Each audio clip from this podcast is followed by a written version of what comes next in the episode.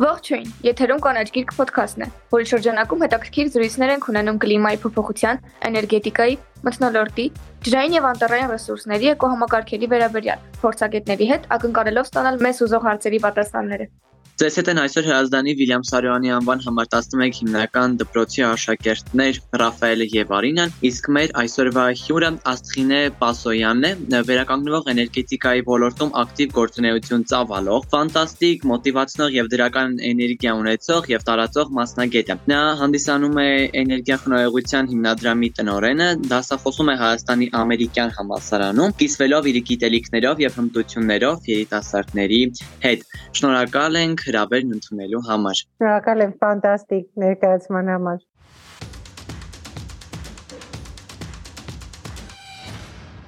Կանաչ աճ հաճախ օգտագործվող արտահայտություն է դարձել, երբ խոսում են երկրի զարգացման մասին։ Ինչ է դա նշանակում։ Կանաչ աճ իհարկե, այդ green growth, հա, անգլերենով շատ հաճախ է օգտագործվում, որովհետեւ թեմայի մեջ դնենք, ասենք որ դա տնտեսագիտական հասկացողություն է, երբ որ ասում են երկիրը աճում է, աճ ինչի նկատի ունեն Աճի նկատի ունեն, որ աճում է երկրի տնտեսությունը։ Այսինքն տվյալ երկրում արտադրվում են ավելի շատ ապրանքներ եւ ծառայություններ, քան նախորդ տարի։ Արտադրվում են եւ վաճառվում են, չգիտեմ, մեքենաներ, ինչ որ սնունդ, հյուրանոցային ծառայություններ եւ այլ եւ այլ այդ բոլորը տվյալ երկրում արտադրվում են եւ վաճառվում են դա տնտեսության չափն է པարզ տերմիններով ասել եւ երբ որ երկիրը աճում է նշանակում է այդ ապրանքների ու ծառայությունների արտադրված ու վաճառված ծավալները մեծանում են երկիրը արձանագրում է աճ սովորաբար դա արվում է ինչ որ արտադրական, արդյունաբերական գործունեության շնորհիվ եւ դա ունենում է բացասական ազդեցություն բնության վրա, հա, չէ՞։ Օրինակ տրանսպորտից ունենք մենք արտանետումներ, գործարանները աշխատում են, օգտագործում ինչ-որ ռեսուրսներ, հանքարդյունաբերությունը փչացնում է բնությունը, հա, էլի արտանետումներ են լինում հողի, ջրի, մթնոլորտի մակարդակով, էներգիա արտադրելու, ցանկացած ապրանք արտադրելուց մարդկությունը ինչ որ տեղ վնաս է տալիս կամ ստեղծում է թափոն։ Չունի մարդկությունը ապրանք ու արտադրություն արտադրելու անմնացորդ, անթափոն որևէ տեխնոլոգիա։ Մենք այդքան խելացի չենք, թեև մենք կարծում ենք, որ շատ մենք իմաստուն ենք, որովհետև չգիտեմ, տիեզերք են գնացել, ինտերնետ ենք օրինը, բայց իրականում մենք շատ շատ թերի է մեր բոլոր արտադրական process-ները։ Եվ երբ որ մենք այդ աճը տնտեսությունը արձանագրում է մեծանմա տնտեսությունը, նաև մեծանում է տնտեսության վրա բացասական ազդեցությունները, ախտոտվում է մթնոլորտը, հողը, օդը, ջուրը, վնասում է կենսաբազմազանությունը, սպառվում են ռեսուրսները եւ երկիրը սկսում է բնության եւ շրջակա միջավայրի առումով վնասվել բարձ ասած։ Եվ այդտեղ հարց է առաջանում իսկ արդյոք հնարավոր է տնտեսությունը մեծացնել առանց այդ բացասական ազդեցությունների։ Կարող ենք արդյոք մենք ունենալ մեր սիրելի շատ ցանկացած իրերը, օրինակ, չգիտեմ, կոշիկներ առնել, շորեր առնել, մեքենա վարել, ունենալ սառնարան, օտորակիչ սարք, հովացում, հա, եւ այլ եւ այլ, այն ամեն ինչը ինչ որ ձևավորում է մեր կյանքի հարմարավետությունները, մեր հաճույքները, մեր քմաճույքները բավարարում է, արդյոք հնարավոր է այդ բոլորը արտադրել ու բավարարել մարդկության կարիքները առանց բնությունը փչացնելու։ Եվ այստեղ գալիս է կանաչ աճի այդ ճակերտավոր գաղափարը, որ մարդկությունը շատ կուզեր եւ փորձում է աճեցնել իր տնտեսությունը այնպես, որ նվազագույնի հասցնի շրջակա միջավայրի վրա բացասական ազդեցություններ։ Դրա ինչ որ կարող ենք օրինակներ բերել, որ ամենաշատ օգտագործվող բաներից մեկը օրինակ էներգիան է, չէ՞։ Կարող ենք էներգիան վերցնել ոչ թե օրինակ Հայաստանի պարագայում բնական գազից, ջերմաէլեկտրակայաններ արտադրվում է էլեկտրաէներգիա եւ արտանետում են ջերմոցային գազերի արտանետումներ, իսկ եթե մենք դա անեինք վերականգնող էներգիայի աղբյուրներով, չգիտեմ, արագակնային, հողմային էներգետիկայի, հիդրոէլեկտրոկայանների միջոցով, մենք այդ նույն էներգիան ստանում ենք նվազագույնի հասցնելով շրջակա միջավայրի վրա բացասական ազդեցությունը, հա, եթե տենց ինչ-որ երկու բառով։ Բայց դա վերաբերում բոլոր ոլորտներին, որովհետև նույնը պիտի փորձենք անենք օրինակ սնունդ արտադրելուց, հանքարդյունաբերության մեջ, տրանսպորտի ոլորտում, եւ ամեն տեղ գտնենք այն տեխնիկական լուծումը, այն բիզնեսի կազմակերպման ձևը, որը նվազագույն կազդի շրջակա միջավայրի վրա եւ չգիտեմ, օրինակ դուք կուզեիք, որ ընդհանրապես չախտոտվեր բնություն, ինչ եք կարծում, Արինա, Ռաֆայել, դուք ինչ կարծիք ունեք։ Կուզեիք, որ բնությունը բացարձակ բակուր լիներ։ Լիներ հողի, օդի, ջրի արտանետումներ ախտոտում։ ընդհանրապես չի լինի, որ ամբողջությամբ մաքուր լինի, որոշ չափով արտանետումներ կան ինձ թվում է, որ պետք կգան։ Եթե իրականում ցավոք սրտի զրոյական ախտոտումը անհնար է այլևս։ Բացարձակ չախտոտել, չարտանետել նշանակում է չարտադրել, չսպառել։ Եվ քանի դեռ դուք հաջորդ սեզոնին ուզելու եք այն նոր բոթասիկները կամ ուզելու եք հերթական հաջորդ հեռախոսը, հա, մյուս սմարթֆոնը, ուրեմն պիտի ինչ որ ձևի սպառենք ռեսուրսներ եւ այդ սպառման ընթացքում ինչ որ թափոն կամ ախտոտում էլ տեղ ունենա։ Հետևաբար մենք միակ բանը որ կարող ենք անել հնարավորինս նվազագույնի հասցնենք, որ մոլորակը ավելի երկար մեզ ծառայի։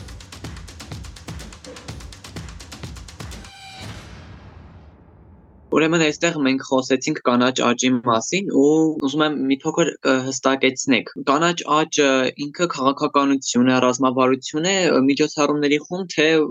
պարզապես կարող ենք ասել, որ արդյունք է։ Շատ հետաքրքիր հարց եք տալիս։ Իրականում նայեք, ես նկարագրեցի, որ խնդիր տնտեսության մեջ է։ Ինչ է իրանց ներկայացնում տնտեսություն։ Տնտեսությունը իրանց ներկայացնում է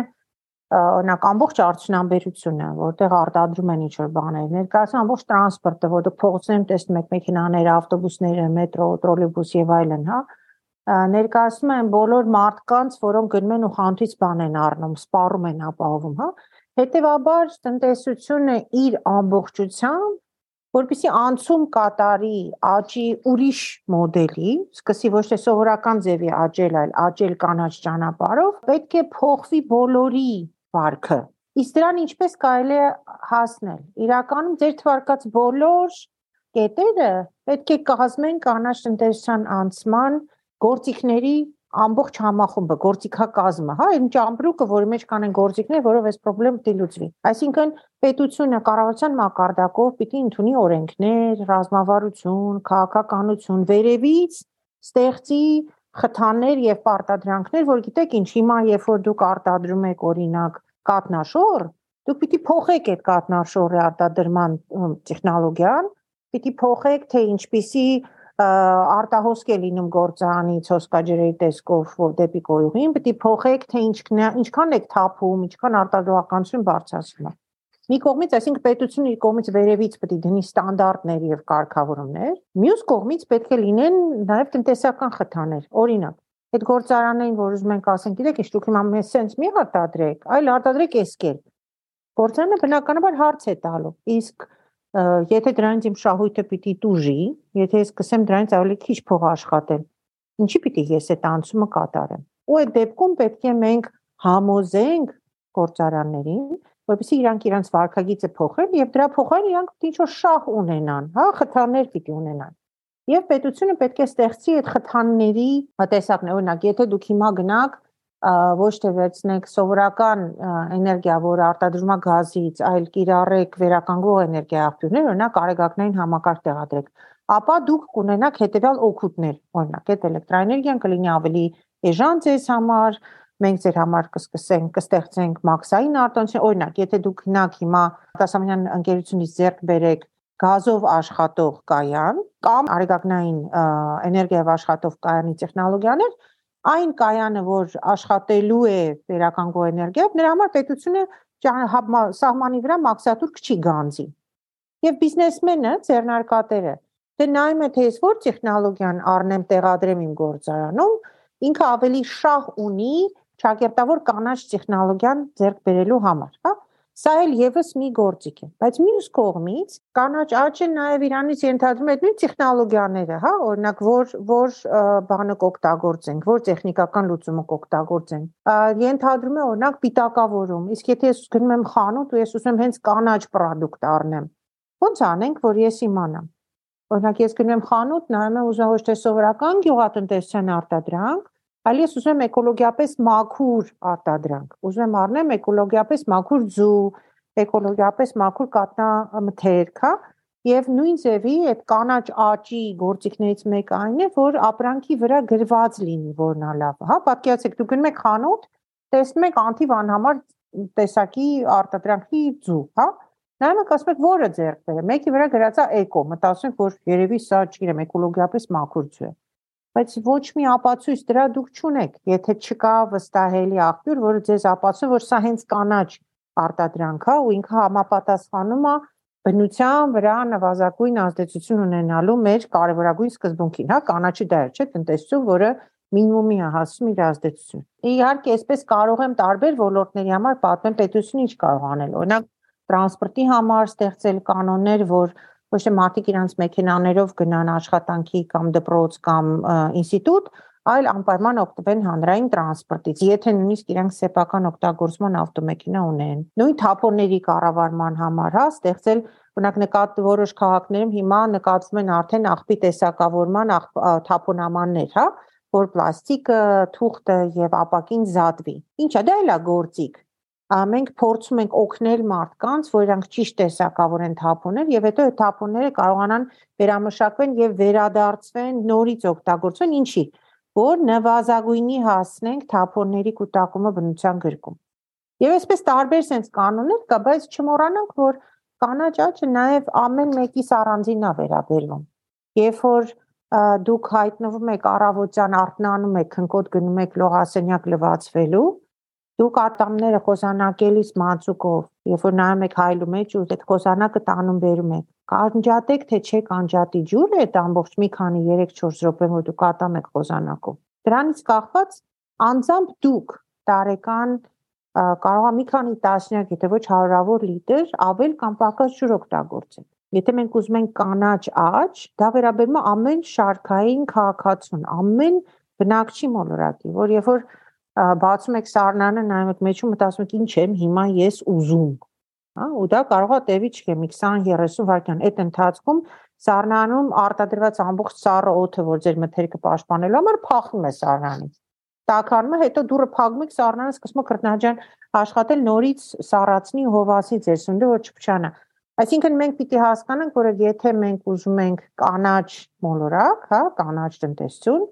դա միայն պետությանը չի վերաբերում, մենակ բիզնեսներին չի վերաբերում, դա վերաբերում ամեն շարքային քաղաքացուն եւ իր կենսակերպին վարքագծին։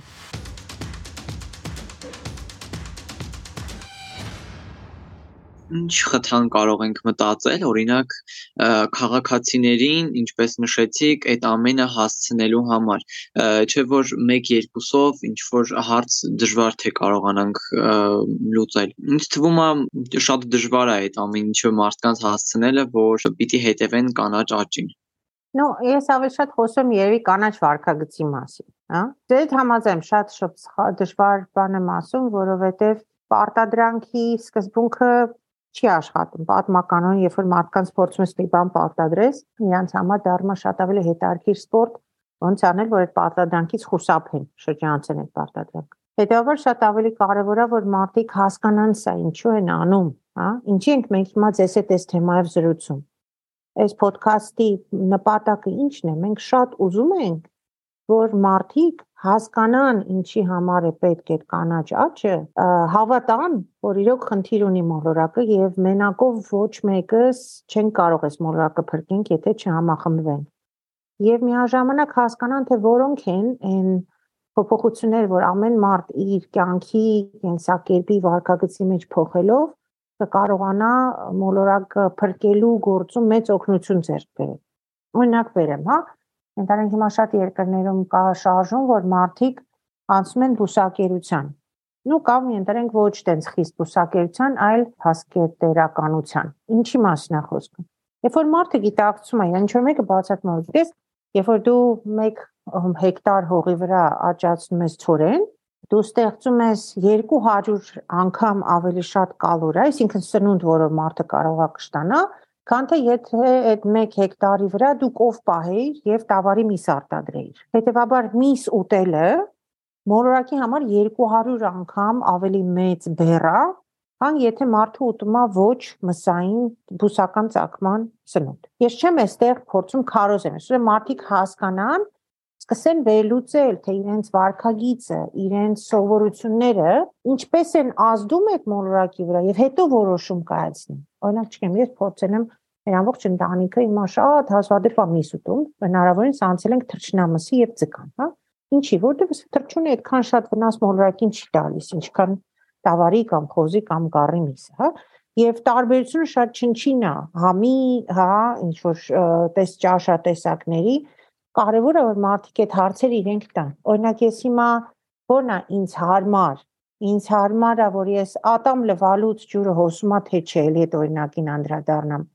իմ ատամները դրանից ավելի շատ կամ քիչ մաքուր չեն լինում ճիշտ է հետեւաբար ինչ է ինձանից պահանջում որ ես որ ջուրը բացեցի խոզանակս թրջեցի մածուկը վրան դրեցի սկսեցի խոզանակել ձախ ձեռքով ջուրը փակեմ շարունակեմ զմայլվել ինձնով հայլում էր, ինչ սիրում են անել ձեր երեք տարիքի քաղաքացիները, հա, Եվ հետո երբ որ կվերացիացնեմ ջուրը կբացեմ նորից գցեմ, ել չեմ ասում բարձր տեխնոլոգիական գյուտ, որը կոչվում է բաժակ, հա, եկեք ջուր լցնենք այդ բաժակը, մի բաժակ ջրով ատամները լվանք։ Զոհողության մասին չի խոսքը, համաձայն եք։ Գիտակցության մասին է խոսքը։ Կարող ենք խնդրենք բոլորին, որ այդ որոշումը ամեն առավոտ եւ երեկո, իսկ ձեր տարիքում նաեւ շատեր ունեն բրեկետներ, որ օրը ավելի շատ անգամ են ատամ լվանում, չէ։ Այդ մեկ լողավազան ջուրը, որ տարվա ընթացքում գնալու ատամ լվալու վրա, կարող ենք խնայել թե ոչ։ Եթե դա մեզանից ոչ մի զողություն չի պահանջում։ Համաձայն եք։ Այսինքն ստեղ ավելի որոշել, ընկերակցել, համախմբվել ու դա անել միասին, որովհետև վերջի սերունդն է, որ կարող է մոլորակը փրկել։ Մեր մոլորակը շատ մեծ վտանգների առաջ է կանգնած կլիմայի փոփոխության տեսանկյունից եւ եթե մենք չհամախմբվենք մոլորակի բոլոր 8 միլիարդ բնակիչներով ոչ մի առանձին վերսած երկիր կամ տարիքային խումբ մոլորակը փրկել չի հասցնի դրա համար ենք փորձում կանաչ աճը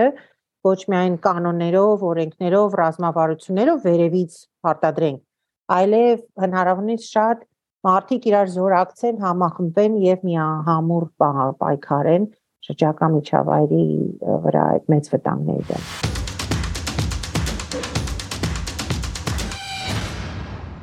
Այստեղ մենք հենց սկզբից խոսեցինք օրինակ գործարաններին հասկացնենք, ստիպենք ինչ որ ինչպես ասում են սիրտը շահենք, որ ինքը նույնպես անցնի կանաչ աճին։ Այստեղ ասացինք օրինակ տեղադրի արևային պանելներ եւ էլի ինչ որ բաներ թվարկեցիք։ Ուզում եմ հասկանամ այդ ինչով երբ որ գործարանը անի այդ եւ հետեւի կանաչ աճին։ Արդյոք ֆինանսապես ինքը չի տուժի ու այդ այդ առումը հենց այդ դա այդ իրեն չի վանի կանաչ աճի անցնելուց։ Այսինքն նկատի ունեմ օրինակ հենց արևային պանելներ դնելու էլի ուրիշ ինչ որ բաներին հետեւելը իրանից ավելի շատ ֆինանս պահանջի, քան օրինակ արտերկրից ինչ որ մաս բերելը ու իր գործանում աշխատեցնելը։ Շատ կարևոր հարց եք տալիս, այդ նույն հարցը իհարկե մեզ տալիս են հենց ձեռնարկատերը բիզնեսները, որ իսկ ինչի պիտի ես անեմ։ Մի քանի պատասխան կա այդ հարցին։ Նախ, այս ոլորտի մասնագետները, որոնցից մի մասը ձեր ոդքասթներում խոսել են, մենք հասկանում ենք, որ բիզնեսի շահը հասարակական շահից վերև է, հա? Այսինքն ոչ մի ձեռնարկատեր իր գործանում չի անի մի բան, որ օգուտ է հասարակությանը եւ բնությանը, բայց վնասը իր ձեռնարկատիրության, իր ձեռնարկության շահին։ Երբևէ, այսինքն շատ հազվագյուտ կա ձեռնարկություն, որը կարող է հանուն հասարակական շահի ինչ որ զողություններ ան։ Հիմնական չկա դա։ Հետևաբար մենք ամեն դեպքում փնտրում ենք լուծումներ, որով կանաչ որոշում կայացնելը, ընտրություն կատարելուց, ասենք մի քանի ընտրություն ունի, ներդրումային օրինակ ծրագրի, փողի, ֆինանսական ծախսերի եւ այլն, այնպես անենք, որ կանաչ ճակերտավոր որոշումը տնտեսապես նաև շահավետը լինի բոլորից։ Ինչի մասին եմ խոսում։ Օրինակ, եթե մեզ հարցնում են, իսկ ինչ կարող ենք անել։ Մենք ասում ենք, թե օրինակ կարող եք կրճատել ձեր կորզանի արտանետումները, կարող եք իրականացնել էներգոարդյունավետության միջոցառում, այսինքն նույն գինե 1 լիտր կաթը արտադրելու համար օգտագործեք ավելի քիչ էլեկտրաէներգիա եւ գազ, որpիսի ավելի քիչ արտանետում լինի մոլորակի վրա։ Կարող եք օգտագործել ավելի էներգոարդյունավետ տրանսպորտի միջոցներ։ Կարող եք, չգիտեմ, շենքի տանիքը կանաչացնել, չգիտեմ, կանաչ տանիք, ամբողջ խոտ եւ բուսածածկ դնեք տանիքի վրա կարող եք, չգիտեմ, շատրվաններ քաղաքում տեղադրել, կարող եք թափոնները ոչ թե թափեք ուղարկեք նվարաշենի աղբավայր, այլ վերադարձնեք, վերամշակեք ու գործանում նորից օգտագործեք։ Ձեռնարկության տեր սարսափած նայում ասում այդքան ծախս ես ինչի պիտի անեմ հանուն, չգիտեմ, բնության, բա իմ շահույթը, բա իմ աշխատողների աշխատավարձը, բա ես վարկերս ոնց եմ փակել, հա։ Եվ մեր նպատակն է եւ մեր մասնագետների առաքելությունն է ցույց տալ իրան, որ նայեք, դուք հիմա կծախսեք այսքան փող, հա, ինչ որ դրամ կծախսեք, կիրականացնեք էներգախնայության միջոցառումներ ձեր գործարանում։ Արդյունքում ձեր էլեկտրակայանի ու գազի ծախսը կիչնի, դուք փող կխնայեք։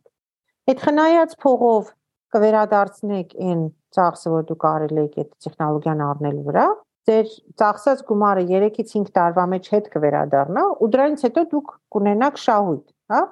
Օրինակ, չգիտեմ, 100 միավոր էր վճարում ինքը գազի համար ամսեկան, ինքը ձեռք է բերում ինչ որ սարքավորում, որը արժի 400 միավոր, իր էներգախնայության արդյունքում իր գազի ծախսը 100 միավորից իջնում է դառնում օրինակ 50 միավոր, եւ ամեն ամիս ինքը 50 միավոր խնայելով իր 400 միավորը 8 ամսում վերադարձնում է եւ մնում արդեն դրանից հետո միշտ իր ծախսը 100-ի փոխարեն 50։ Այսպես ցանկացած միջոցառում, որը մենք կարողանում ենք ձեռնարկություններին ցույց տալ, որ ֆինանսապես ձեռնտու է, նույն վերականգնող էներգիան, հա, էլեկտրաէներգիան արժի 53 դրամ, իսկ եթե դուք տեղադրեք արևային վահանակներ, դուք կունենաք այդ էլեկտրաէներգիան մոտարապես 21-23 դրամ ինքնարժեքով, որը մոտ 30 դրամով ավելի էժան է։ Ամեն կիլովատ-ժամ էներգիա ծախսելուց իրանք 30 դրամ խնայում են ձեռնտու է ֆինանսապես։ Ուզում ասեմ, որ մեծամասամբ կանաչ տնտեսական լուծումները ունեն նաև տնտեսական շահ, որովհետև կան նաև շատ միջազգային ֆինանսական կազմակերպություններ, որ այդ կանաչ նախագծերի համար ունեն շատ փափուկ ֆինանսական գործիքներ։ Օրինակ, եթե դուք ձեռք եք բերում օրինակ դիզելով աշխատող մեքենա, դուք պիտի գնաք մեկ բանկից վարկ վերցնեք, օրինակ 16% տոկոսադրույքով։ Իսկ եթե դուք ուզում եք ձեռք բերեք ձեռնարկության համար կանաչ տրանսպորտ, օրինակ էլեկտրական մեքենա, դուք կարող եք վերցնել վարկ, չգիտեմ, 7%-ով։ Շատ ավելի էժան ու գրավիչ ֆինանսական գործիքներ կան կանաչ ներդրումների համար, որը շատ ձեռնարկություններ հաճույքով դրանից օգտվում են։ Այսինքն այստեղ կլինեն իհարկե ներդրումներ, որոնք ֆինանսապես օգուտ չեն բերում, օրինակ կանաչ ենթակառուցվածքներ։ Մեզ կարիք ունենք շատ ջրային ենթակառուցվածքների, կարիք ունենք կանաչ տարածքների, այգիների, պուրակների զարգացման, կարիք ունենք կենսաբազմազանության խթանման, կարիք ունենք թափոնների կառավարման եւ միշտ չի, որ այդ ծրագրերը օգուտ են բերում։ Բայց կան նաեւ շատ տեխնիկական լուծումներ, որոնք ձեռնարկությունների ծախսերը կրճատում են, օգնելով որ իրանք դառնան ավելի շահավետ։ Այդպես այդ մասը իրոք ձեռնարկությունների համար գրավիչ է։